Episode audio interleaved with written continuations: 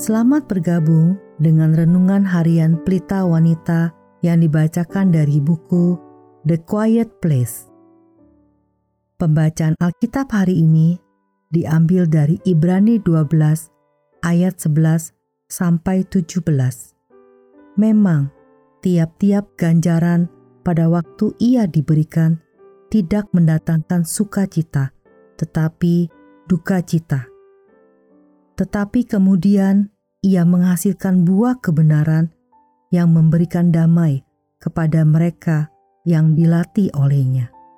Sebab itu, kuatkanlah tangan yang lemah dan lutut yang goyah, dan luruskanlah jalan bagi kakimu, sehingga yang pincang jangan terpelecok, tetapi menjadi sembuh. Berusahalah hidup damai dengan semua orang dan kejarlah kekudusan, sebab tanpa kekudusan tidak seorang pun akan melihat Tuhan.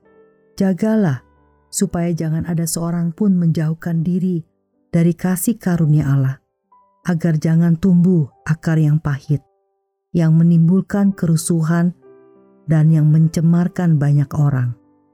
Janganlah ada orang yang menjadi cabul atau yang mempunyai nafsu yang rendah seperti Esau yang menjual hak kesulungannya untuk sepiring makanan. Sebab kamu tahu bahwa kemudian ketika ia hendak menerima berkat itu, ia ditolak. Sebab ia tidak beroleh kesempatan untuk memperbaiki kesalahannya, sekalipun ia mencarinya dengan mencucurkan air mata. Ayat kunci hari ini adalah dari Ibrani 12 ayat 15. Jagalah supaya jangan ada seorang pun menjauhkan diri dari kasih karunia Allah, agar jangan tumbuh akar yang pahit, yang menimbulkan kerusuhan dan yang mencemarkan banyak orang. Akar permasalahan Akar kepahitan mungkin adalah hal terakhir yang Anda khawatirkan saat ini. Bahkan di tengah situasi yang Anda hadapi dalam hidup, luka yang Anda terima secara tidak adil melalui tindakan yang dilakukan maupun tidak dilakukan oleh orang lain. Kepahitan justru seperti hak kesulungan, zona aman Anda. Anda mungkin merasa tidak mampu untuk memberi respon yang lain tetapi camkanlah ini. Kepahitan adalah jalan alternatif yang pasti menyebabkan kegagalan.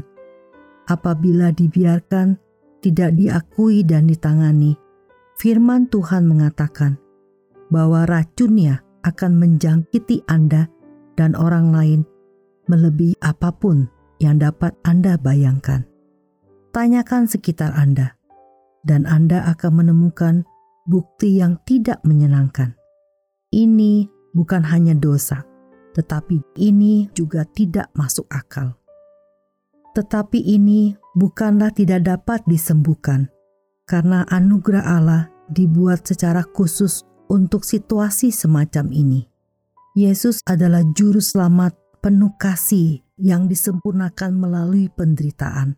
Ibrani 2 ayat 10 sebagai hasilnya, dia tidak hanya memperoleh keselamatan kekal untuk kita, tetapi dia juga mengerti bagaimana rasanya diperlakukan kasar, dimanfaatkan, disalahpahami, dan dia tahu persis di mana harus menggunakan anugerahnya untuk menyembuhkan hati Anda yang sakit dan terluka.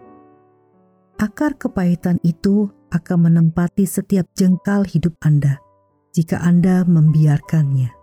Tetapi Allah mengundang Anda, mendesak Anda untuk menjangkau dan menerima anugerahnya, untuk datang ke tahtanya dengan penuh keberanian, mengetahui Anda akan menerima seluruh pertolongannya yang sempurna.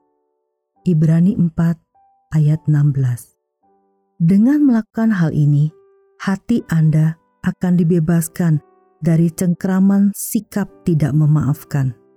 Anda akan dibebaskan untuk mengasihi dan melayani Dia dan juga orang lain. Akar kepahitan itu tidak akan lagi mengganggu Anda dan merugikan orang-orang di sekitar Anda. Sebaliknya, anugerah Allah akan mengalir melalui Anda kepada orang lain, memberkati semua dan setiap orang yang Anda sentuh. Sebagai penutup, mari kita renungkan pertanyaan ini. Bayangkan hidup tanpa demam kronis dari kepahitan yang mengaburkan perasaan, memenuhi pikiran di saat bangun dan tidur. Apakah Anda akan berseru meminta anugerahnya untuk menyingkirkan setiap jejak kepahitan?